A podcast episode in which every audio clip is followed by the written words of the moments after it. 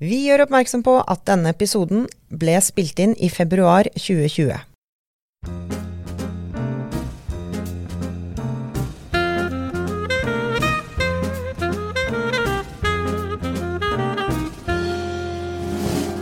Hei og velkommen til en ny episode av Ut og jazze. Jeg heter Vera Henriksen, og i dag har jeg jazza meg av gårde over hvite fjelltopper med pysjflyet fra Molde til Oslo.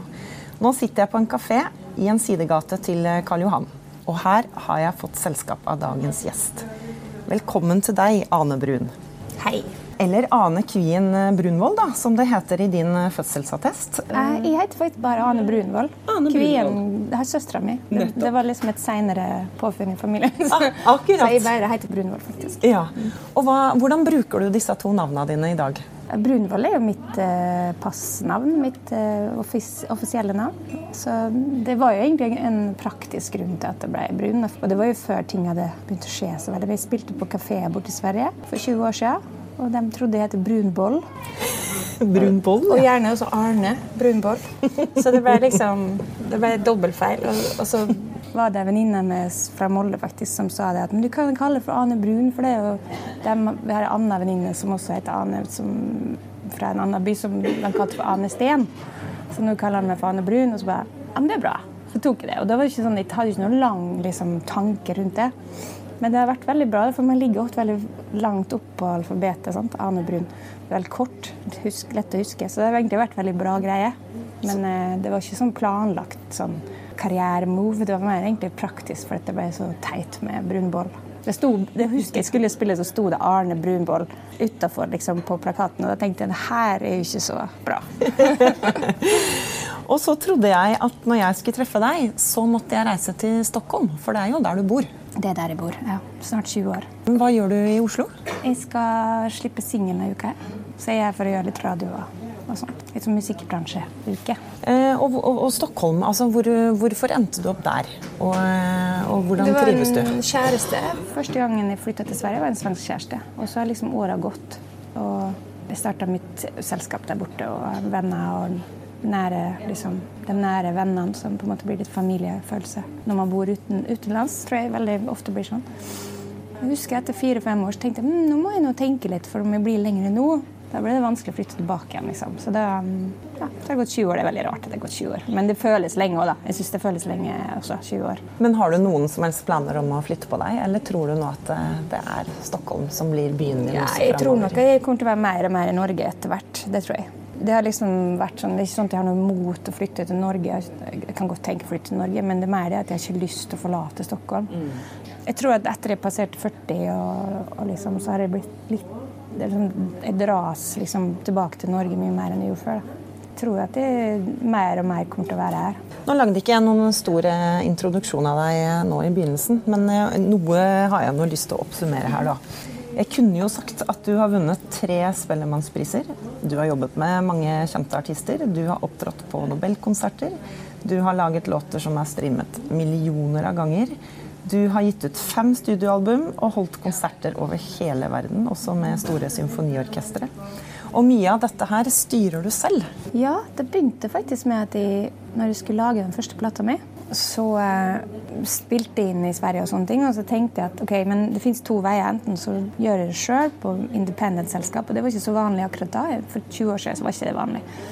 Jeg var stor fan av en amerikansk artist som var independent. Annie DiFranco het hun, som litt sånn hardcore independent artist. Så jeg visste at det var en annen måte å gjøre det på. Og så var det også ei svensk eh, kvinnelig artist som hadde gjort det samme sånn cirka samtidig. Og så sendte jeg ut, tror jeg sendte ut en sampler på tre låter til noen ulike selskap. Ikke de største, men kanskje midt, midtenselskapene. På den tida sendte man jo post, så fikk man brev tilbake eller ikke. liksom. Og den brevet jeg fikk, var så, jeg følte de var så energiløse. Jeg fikk liksom ikke noe pep fra det, så jeg bare bestemte meg for at nei, men jeg hadde så mye driv og så mye energi, så jeg bare jeg driter i dem, jeg gjør det sjøl. Da kan jeg bestemme tempo sjøl. Så jeg bare bestemte meg for å gjøre det sjøl. Og så visste jeg jo ingenting om musikkbransjen, sånn sett, så jeg måtte jo liksom lære meg alt. Og så hadde jeg flaks, da, for jeg traff eh, han som i dag er min manager, traff jeg liksom allerede da. Er det Mikke? Mikke Gustavsson, Ja. Så han kom inn allerede da. Han hadde akkurat starta eget og ville Og det var jo en sånn ting med alfabetet. Han starta sitt eget bookingselskap og agenturer. ag- agentur. Satte seg ned med noe som heter Demobanken. som lå på nett. Første artisten som var oppe, Ane Brun, AB. Han satt på låten og tenkte Hæ? Skal jeg finne første artisten jeg vil ha på, først på lista? liksom? Og så kom han og så meg på en konsert, og så etter det så begynte vi å liksom snakke. da. Og det var i høsten 2002. Den første platen kom 2003. Så det var veldig bra, for da kunne han sånn lede meg inn på rett eh, spor. da jeg fikk Gjennom han fikk distribusjon med et selskap. Det må man jo ha. med distribusjon må man jo ha, liksom. Og så um, ble jo alt veldig stort veldig fort. Iallfall relativt i forhold til at jeg hadde veldig lave ambisjoner. Så det distribusjonsselskapet ville slippe plata i hele Europa. Jeg hadde ikke en peiling hva det betydde da for meg. For jeg begynte jo ganske seint med musikk. Jeg begynte jo sånn 21-22. Første låtene var skrevet da jeg var 23. Så jeg hadde liksom ikke gått med sånn tenåringsdrøm og hadde masse planer og tanker og, og hvor jeg ville være og hvor jeg ville produsere og hvor jeg ville slippe plater. Sånn, det, det, er på en måte noe som vokste fram etter hvert. da. Når jeg plutselig satt på et hotellrom i Holland og gjorde intervjuer, så var det liksom sånn What? OK. Det her ble plutselig mitt liv. Så det ble veldig rart. da musikken var liksom fokus for meg. Jeg var liksom utrolig fokusert på at jeg skulle gjøre bra plate og jeg ville spille mer. Liksom sånn, men jeg, jeg, hadde liksom ikke rukket å tenke eh, hva det skulle innebære for et liv. Fra plata var sluppet, så var jeg fulltidsmusiker og, og, og plateselskapeier og, og sånn. Altså. Og så har åra gått, og vi har, eh, jeg og Mikke, da, som driver selskapet mitt sammen, vi har spurt hverandre flere ganger gjennom året skal vi se om vi skal samarbeide med noen. Og så har vi gjort det litt i utlandet. Gjort sånne lisensavtaler i utlandet og sånne ting. Og med ulik si, suksess. og egentlig mer og mer gjør det sjøl. For eh, om ikke man får noen som kommer inn med litt sånn massive muskler og vil virkelig gjøre noe, så er det nesten verdt å gjøre sjøl uansett. Man hyrer man inn det man trenger, og så skaper man et team i hvert land. og så til og med USA så gjør vi det. Vi, vi hyrer på PR, vi hyrer på radio, mennesker. vi hyrer på liksom det vi trenger. Og så skaper vi et team, og så ser vi hva som skjer. Og før, når vi har gjort det med litt mindre selskap som har gått inn, så har det liksom skjedd kanskje akkurat like mye, men da eier de rettighetene i fem år etterpå.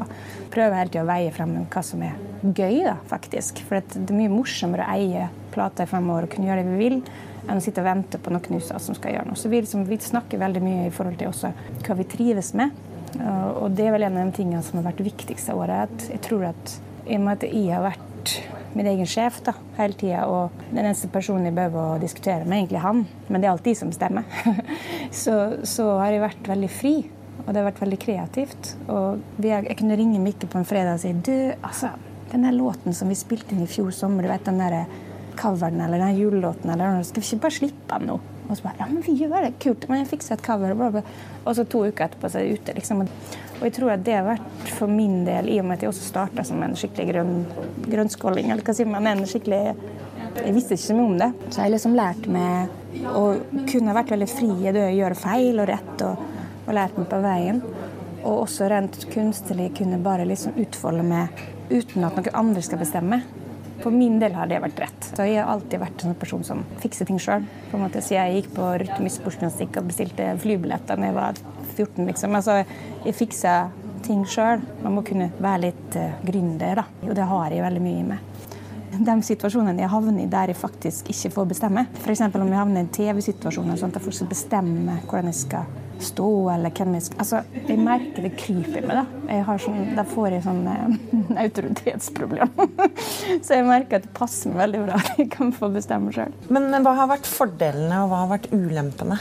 med den måten ja. du har eh, hva skal jeg si, angrepet bransjen på, eller valgt å organisere din karriere på? Vanskelig å si. Resultatet er jo det det er nå. Eh, kommer an på hva man vil. og hva Man altså man kan jo se sånn, Hadde man hatt et stort selskap fra begynnelsen og gjort bra musikk, så kanskje man hadde vært en enda større artist internasjonalt. eller men jeg tror jo egentlig at den musikken jeg har skapa, er også litt fordi at jeg har vært helt independent. At jeg har liksom bare skapt musikk. Og jeg har ikke hatt egentlig noe travelt. da. For det var en av de tingene som jeg følte veldig tidlig at det her skal få ta sin tid. Jeg hadde ikke lyst til at noen skulle sette meg opp på ei scene som var ti meter høy, og så skulle jeg liksom holde meg der. Jeg ville på en måte gå trappa opp, for jeg følte at jeg var ikke trygg nok til å stå der oppe og på en måte kjenne at det var min plass. da. Så jeg trengte disse åra der jeg liksom spilte på så rare plassene. og Alt fra sånn frigjørende dans, yogasenter, til liksom små kafeer og, og, festivaler inni en skog. Altså alt mulig som jeg har gjort gjennom åra som, som gjorde meg veldig trygg. Så Fordelen med store selskaper er at de ofte har penger og muskler og kontakter og liksom alt det der. Fordelen for meg er at jeg har blitt trygg. Jeg har lært meg, Det har vært en skole hele veien. Og jeg har, jeg har hatt flaks. Hva skal jeg si? Ikke flaks, men jeg har Altså Rent timingmessig så tror jeg det er flaks, for at jeg begynte på en tid der det faktisk ikke kan tjene penger fortsatt, da, som liten artist. Jeg kunne spille en konsert for 100 personer, selge 50 plater, og så gikk jeg hjem med ja, med et par tusen, så jeg kunne liksom betale taxien, jeg kunne betale lydteknikken, eller altså De der pengene som liksom sirkulerte litt sånn forsiktig i begynnelsen, de hjalp en til å bygge. da. Og I dag er jo det umulig, for at før du får streamingpengene, det tar litt tid. Nye artist som spiller på en festival, du får ikke noe særlig betalt. Du får kanskje 2000 kroner, da skal det dekke alt. Sant? Så jeg er veldig takknemlig for at jeg ikke jobber byggekarrieren min i dag. Nå er man veldig avhengig av de aktørene som kan spytte inn penger. For det er en helt annen tid, på godt og vondt. Det er streaming Verden er fantastisk på mange måter, men det er også tøft når man er ny. Det er veldig vanskelig.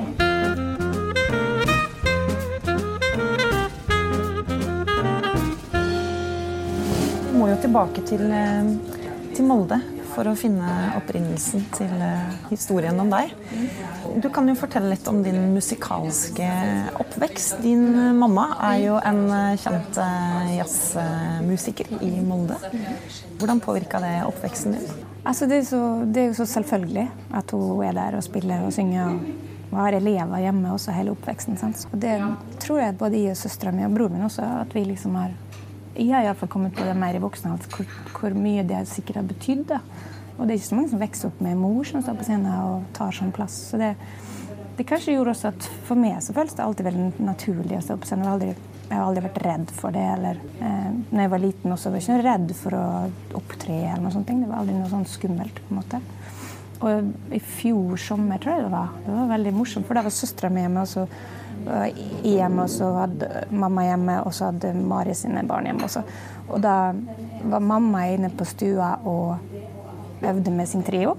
Og så var Mari på jobb, så vi passa barna og ute og spilte. Og så skulle jeg spille typ, to dager etterpå. Og da er det liksom tre kvinner som er musikere, profesjonelle musikere, og så disse to jentene. da, Som på en måte helt naturlig er ute og leker i hagen. For at mormor hun øver, og mamma er på konsert. Og tante skal på konsert. Og det er litt kult å se det fra det perspektivet. For det er liksom en sånn Det er så naturlig for meg og oss, men det er liksom litt spesielt. Og det er kult, på en måte. Og det å vokse opp i et hjem der det er så mye musikk eh, som pågår. og det var jo det jeg innså når jeg begynte å spille da jeg var 20-21, gitar og sånn. Så jeg hadde jo gått på pianotimer og hatt masse piano og sånne ting. Men jeg innså at når jeg begynte å synge, så hadde jeg gjort det hele livet. Men jeg hadde ikke sunget med en tanke, men jeg hadde sunget, så jeg merka at å synge var veldig naturlig for meg. Hva slags musikk var det som ble spilt når du eh, vokste opp? Hva var det dere hørte på? sånn som jeg husker det, i fall, så var det liksom alt fra klassisk til jazz. og sånn. Og det var mye jeg og broren min som hørte mye på musikk sammen. da. Så, så var det mye vinyl. Vi fikk spille mye vinyl, og det var mye liksom alt fra pop til uh, Bee Gees. Husker mamma fortalte at vi brukte synge stemmer og sånn. og og Bjørn. og så klassisk og altså, selvfølgelig mye jazz, da. Uh, og mamma sang mye jazz hjemme og sånn også. Så standardlåtene er vel egentlig det jeg har vokst opp med mye forhold til mye mer det enn vise og sånne ting, tror jeg. At jeg kan mye mer amerikanske standardlåter enn jeg kan salmer, for det sånn. uh, og så er det jazzfestivalen, selvfølgelig. Da. Det er jo kjempeviktig man tenker inspirasjon. Jeg var jo en sånn person som hørte musikk veldig mye fra jeg var liten. Og jeg elska Prince og Madonna og alle disse store popartistene. Og jeg abonnerte på Mojo og leste om de nye platene og har alltid vært veldig interessert. og veldig sånn grave etter ny musikk, og det gjør jeg i dag òg. Jobber på platebutikk i mange år. Og sånn. Så, og det å gå på jazzfestivalen hvert år var jo en eh, skattkiste. Liksom. Er det noen konserter du husker spesielt fra noen av disse festivalene eh, tidlig? Ja, altså jeg satt meg er faktisk nå før jeg skulle treffe deg og bare tenkte også Det som jeg tror jeg snakka litt med et par andre om det, også, at føles, Når man har vært engasjert i å gå på jazzfestivalen, så føles det liksom som en stor, lang festival. Det er veldig vanskelig, alt er veldig blanda sammen. Det, det, er liksom ei uke i året, men den føles jo lang på en måte i forhold til hvor mye innhold den hadde. Da. Den konserten jeg husker først av alle konserter, som jeg faktisk satt og digga, det var Herbie Hancock på 80-tallet en gang. midt i 80-tallet. Da husker jeg satt sammen med mamma på femte rad sånn på Idrettens hus, tror jeg det var. Da husker jeg at jeg satt og nøt av konserten. Og det, det, er liksom sånn minne Og det har mamma bekreftet etterpå. da. Og så har det jo vært hundrevis, kanskje ikke hundrevis, men iallfall 200 konserter man har sett der. Jeg var jo frivillig på jazzen i mange mange år. Jobba veldig mye som sånn merchandise-selger. Mm. T-skjorter og alt det der. Har vært artistansvarlig mange ganger. Mm. Og også garderobe, liksom, at man passer på MR. da, At man jobber og fikser garderobene og sånn. Jeg forsøkte å huske i går når jeg gjorde det første gangen, men jeg var jo med mamma når hun var det også, når vi var yngre. Og liksom hele den kulturen rundt kroa og alle mennesker man traff. og sommerens høydepunkt. Det var jo så morsomt. Og så hadde man kort så man kunne springe rundt på alle konsertene. Så for meg så var jo den frivillighetsgreia jo kjempemorsom. Så det er noe du kan anbefale? Virkelig. Ja, det syns jeg har vært eh, kjempegøy. Mm. Og det morsomt er jo kompiser nå med noen jeg var artistansvarlig for i Stockholm. Det var gøy. Jeg var artistansvarlig for Atomic, og de kjenner jeg i dag, da, så jeg bruker flere av det. At jeg skal styre opp dem. Nei, så det var jo, det var, de minnene er jo kjempesterke også. Hva tenker du at festivalen har betydd for eh, Molde? Oh, veldig mye. Om man skulle spørre alle moldenser hvor mange som har et forhold til jazzfestivalen, så må det jo være 90% Altså Kanskje noen som ikke bryr seg, men det er jo ikke mange. På hvordan måte man bryr seg. Det, det, kan også være musikken eller folkelivet eller hva det er for noe, men jeg tror det skaper en identitet av at vi har, en, at vi har et åpent vindu mot verden. da som kanskje ikke hadde vært der om vi ikke hadde hatt festivalen.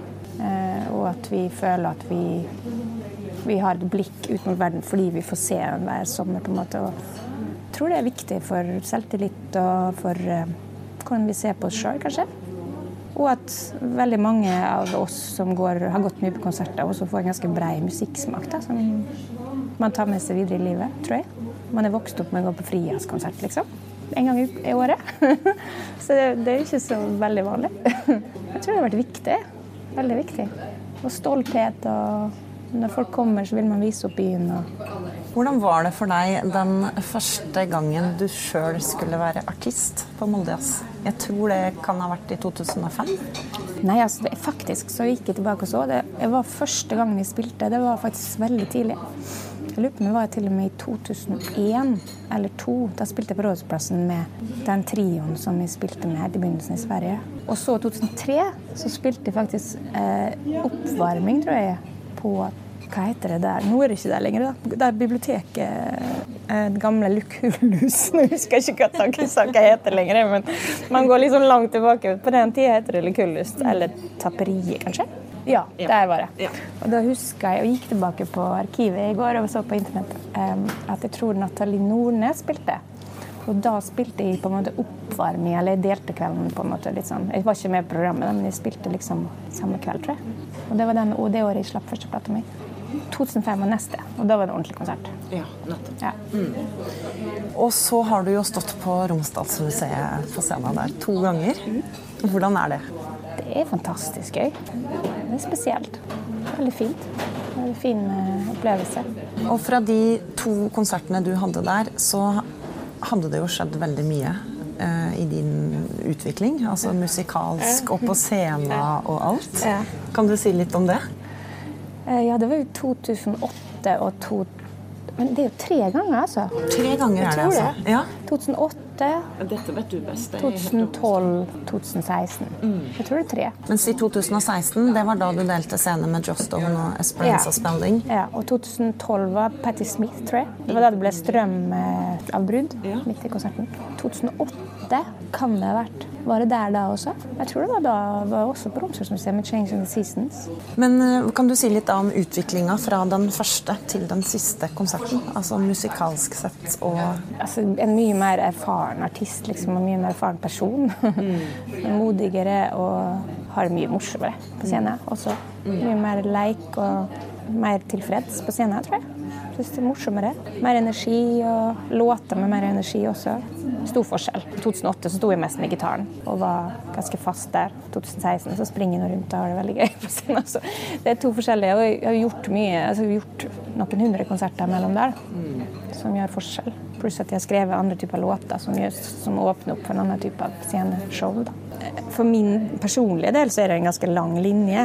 For jeg vet hva som har skjedd imellom alle disse konsertene. For jeg har jo vært ute og spilt overalt og vært på Peter Gable-turné og der jeg ble tvunget å gjøre masse ting jeg ikke hadde gjort før. og sånn. For andre utenfor så kanskje det kan bli veldig sånn oi. Sånn. Men for meg har det vært veldig en naturlig linje. Bue som på en måte har gått. Vi ser deg jo innimellom Ja. og hører deg innimellom, og så vet jo ikke vi alt det som skjer imellom, men det er klart at eh, det er sikkert eh, store og lærerike ting. Ja, for når jeg ser utenfra, så skjønner jeg jo at det blir veldig store hopp. Men jeg kan liksom fylle i mellomrommet og se hvordan det ble sånn. på en måte. Hvis du skulle tilbake igjen til festivalen da, altså, mm, og kanskje la oss si du hadde fått anledning til å plukke med deg noen folk, da, som kunne være hvem som helst som du kunne tenkt deg å jobbe med. Det trenger ikke å være noen du kjenner heller. Du mener i jazzens historie, eller? I, ja, altså sånn eh, Ja, de bør jo helst være i live, kanskje. Ja, det er sant. Men, men er det noen du liksom kunne tenkt deg Oi, det, det hadde vært gøy å, å gjøre? Å jobbe med, mener du? Mm. Oi, spennende. Det har jeg aldri tenkt på. Um, oi, det må jeg tenke litt på, tror jeg. Kanskje kan Tenk litt på det, og så kan, det, ja, ikke sant? så kan vi kanskje komme tilbake til det. Men en vakker dag kan det jo hende at du får en telefon, og så sier Hans Olav Solli, eller den som måtte være festivalsjef da, at eh, vi kan tenke oss at du er artist in residence. Da måtte man jo virkelig ha begynt å tenke sånn. Ja, det måtte jeg sånn. tenkt. ja, Dit har ikke gått i hodet mitt.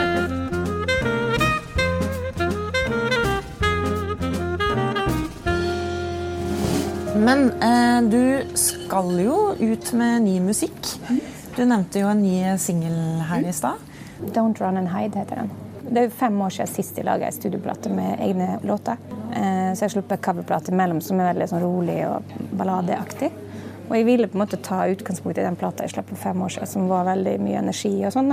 Så jeg stilte meg liksom på skuldrene av den for å gå videre. Forsøke å kombinere liksom musikk man vil røre seg til, bevege seg til, eh, med emosjonelle låter, på en måte. Forsøke å finne den formelen fortsetter det jeg jobber så mye på When and Free. Det var litt samme tanke der. Så denne låten er en slags eh, flørt med Massive Attack, 90-tall. Eh, eh, på en måte med beats og sånn, og så med en emosjonell melodi og tekst oppå. da, Med store strykere og sånn. Så jeg liksom forsøker å skape en, eh, en, stor verden med bra beats, men også en emosjonell historie på toppen. da. Som eh, jeg tror blitt, er veldig fornøyd i hvert fall med låten. Og når du lager ny musikk, eh, hvordan, hvordan gjør du det? Er det teksten som kommer først? Er det melodien? Eller, hvordan, eller er det, kan det variere? Det kan variere, faktisk. Litt sånn blanda prosess. Når jeg veit jeg skal skrive plate, sånn som nå, så har det begynt å bli Jeg har begynt å få litt sånn verktøy, da. Og det er at jeg, begynner å grave i liksom tekstarkivet mitt. At jeg, jeg skriver ofte ned ting jeg tenker på, og så kan det bli tekster, og til kan det ikke bli tekster. Jeg har sånne notatbøker hjemme som jeg, bruker, som jeg kan kalle for eh, søppelbøtta. Der jeg tømmer hodet mitt for eh, søppeltanker. og det har egentlig en funksjon av egentlig bare å få ut ting man tenker på. Og, s- og mange av de bøkene er liksom bare kasta, brent eller revet i stykker. Er det en slags terapi, eller en Ja, slags, slags eh, utløp for Ja, Om jeg eh, har masse snurrer på kvelden, så skriver jeg det ned. også. liksom, tankespinnet? Ja, og midt i det så bruker jeg å finne små gullkorn. Så før jeg kaster dem, så blar jeg alltid gjennom. For det kan komme små sånn, tekstrader eller poesi som ligger midt i. For ofte kan det komme et behov av å formidle det på en annen måte når jeg sitter og skriver. Og da, da kommer det ofte små gullkorn, en setning her eller en liksom, vers her eller noe som jeg plukker ut. Så det, Sånn begynner jeg alltid jobben rundt en ny plate. At jeg samler sammen alt det der i et dokument, og så skriver jeg ut. Og så har jeg en perm med alle så små ideene. Og Det kan være fra en ganske lang tekst til en, eh, bare en setning eller et ord. Og så eh, går jeg gjennom telefonen min og alle innspillinger jeg har gjort på en lø- lørdagskvelden. Sitter med gitaren foran TV-en eller noe sånt, og så ser jeg om det er noe å hente der. Og så plukker jeg, samler sammen alle små fragment som fins. Og så begynner jeg på en måte å plukke en gangen. Da. Og så begynner jeg å skisse. Og sånn. Og av og til så kan det jo være som sagt en hel tekst, og da er det egentlig å sette musikk til den. Ellers kan det være en, eh, en melodi som er mer eller mindre ferdig, men det er ikke noe tekst til den. Så det, det er forskjellige puslespill som skal settes sammen. Jeg var veldig veldig sugen nå da jeg skulle skrive noen plate. Jeg har ikke skrevet så mye musikk på mange år, så jeg, det, sånn, det klødde i fingrene da. og i brystet. Det er en slags følelse av eh, at jeg hadde mye jeg ville si. Eh, så jeg satt på ei hytte i tre uker i sommer, og i denne varmen som var, eh, og skrev og bare flåa ut låta. Og så var interessant, for når jeg var ferdig med siste låten, da var jeg virkelig ferdig. Det var en interessant følelse. Jeg hadde liksom en slags følelse at det fantes en 15 låter, 10-15 låter i meg. Og når jeg hadde gjort den 15. låten, så gikk jeg ut fra hytta og tenkte ja, nå er jeg ferdig. Det var veldig rart. Det var, som, liksom, ja, det var så rart, for jeg visste på en måte litt sånn abstrakt i hodet mitt at det var noen tema jeg skulle skrive om. Og det var noen ideer som skulle bli en låt. Og så når jeg hadde gjort den siste ideen, så kjente jeg ja, nå er jeg ferdig. Nå skal jeg begynne neste prosess. Og det var veldig rar følelse. Det var veldig sånn konkret følelse. Og veldig lett sånn OK, det var jeg ferdig. og, og, hva kan du si om det som kommer? Altså det, dette er jo eh, litt um, Vi snakker jo til høsten 2020, ikke sant? Men, så jeg vet ikke hvor mye du kan si. Men jeg hvordan lette. Litt, altså, litt kom, på sløret? Vi kommer til å gjøre en uh, litt lengre release-prosess denne gangen. Det er liksom nye tider, så vi slipper flere låter før plata kommer. Man kommer til å få innsyn i plata mye mer før september enn man bruker å gjøre.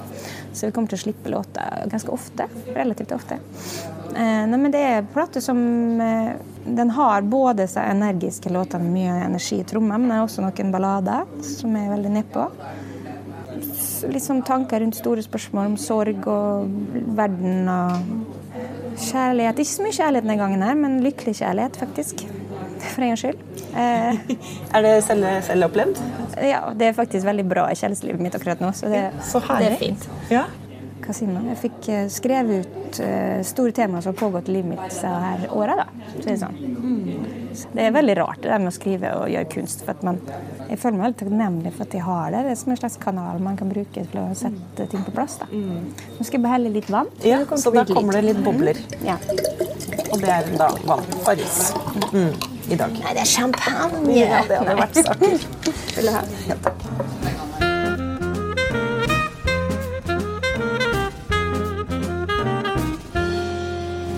Tenker du på det som et privilegium at du får jobbe sånn som du gjør? Å gud, jeg er så takknemlig. Tenker jeg ofte Hva skulle på. du ellers gjort?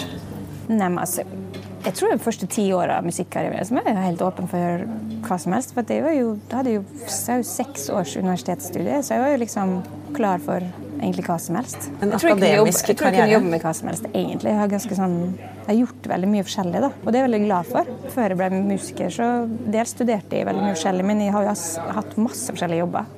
Jobba liksom i restaurantbransjen, jeg har jobba i platebutikk, jeg har vaska, jeg har vært eh, avisbud, jeg har pakka bøker, jeg har skrevet referat, jeg har vært advokatsekretær hos pappa.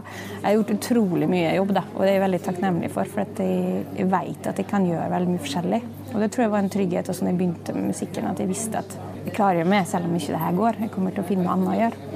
Jeg var jo veldig nært å få en slags akademisk tittel når jeg slapp første plata mi. Da skulle jeg ta bare noen poeng, så skulle jeg bli kulturviter. Oi, du store. Ja, Jeg hadde bare et halvår igjen. Ja. Så, men jeg har jo liksom kan magi spansk, kanskje. Oi. Jeg har jo et mellomfag i spansk. Så, ja. så, så, tok jeg juss første året, og sånn, så jeg, liksom, jeg, hadde mange veier jeg skulle gå. da. Så hva jeg skulle ha gjort Jeg tror at jeg vært, kunne vært en veldig bra prosjektleder i noen kultur, eller egentlig hva som helst, tror jeg. Ganske flink til å styre opp ting om jeg må det. Jeg har jobba heltid med andre jobber. Jeg vet, det, jeg vet, hva det betyr og hvordan det føles. Og hvor sliten man er på fredag ettermiddag. liksom. Så jeg har veldig mye respekt for det. Og derfor også veldig takknemlig for alle mine morgener da jeg våkner og kan bestemme sjøl litt hvordan dagen skal se ut.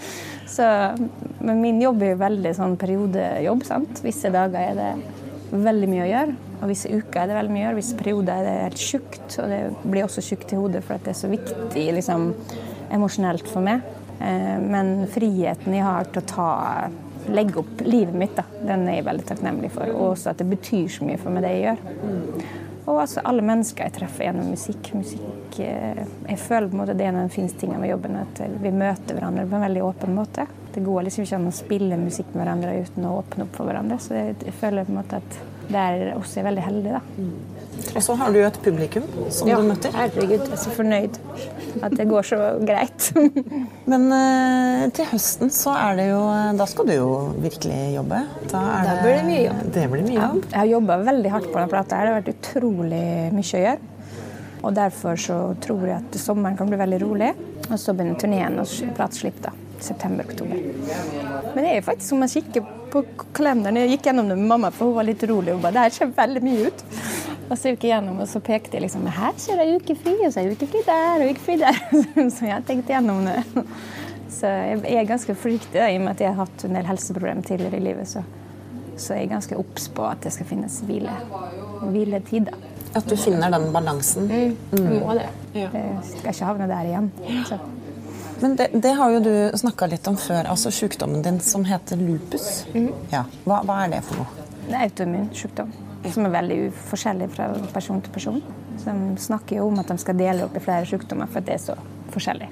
Alle individer har forskjellige historier. Min har nå vært eh, sovende i hva blir det, seks-sju år, tror jeg. Det vil si at du ikke merker noe til den? Merker ingenting. Jeg tar medisin, da, som sikkert også hjelper til. Men eh, jeg har ikke hatt noe symptom på noe i, siden 2014, tror jeg. Men før den la seg til å sove, skulle jeg til å si. Altså, hvordan um, Nei, men det var jo liksom eh, Den begynte jo litt tidligere. Den begynte jo så liksom å Jeg fikk min første store sykdomsperiode i 2003. Det var rett etter jeg slapp førsteplata mi.